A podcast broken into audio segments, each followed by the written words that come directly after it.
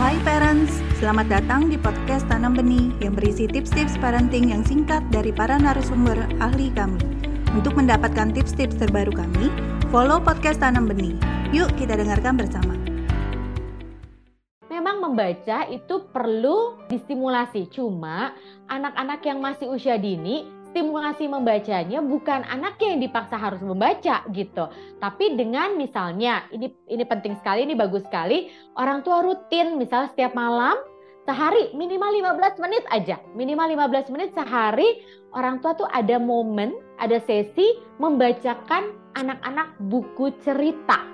Nah, apabila orang tua melakukan secara konsisten anaknya membacakan buku setiap malam, anak tuh belajar berbahasa ya. Terus kemudian anak belajar mengenal huruf meskipun tidak secara langsung ya. Ini A, B, C, tapi kan anak mengenal huruf, familiar dengan huruf-huruf ya, karena kita kan menunjukkan bukunya meskipun kita orang tua yang bacakan. Lalu menambah vocabulary, menambah kosakata. Jadi kalau 15 menit sehari kita bacakan buku, wah itu researchnya dalam setahun anak itu menambah kosakata puluhan ribu atau bagaimana saya lupa ya hasilnya berapa jumlahnya. Jadi penting memang anak itu distimulasi untuk hal-hal yang tadi saya sebutkan sejak usia dini.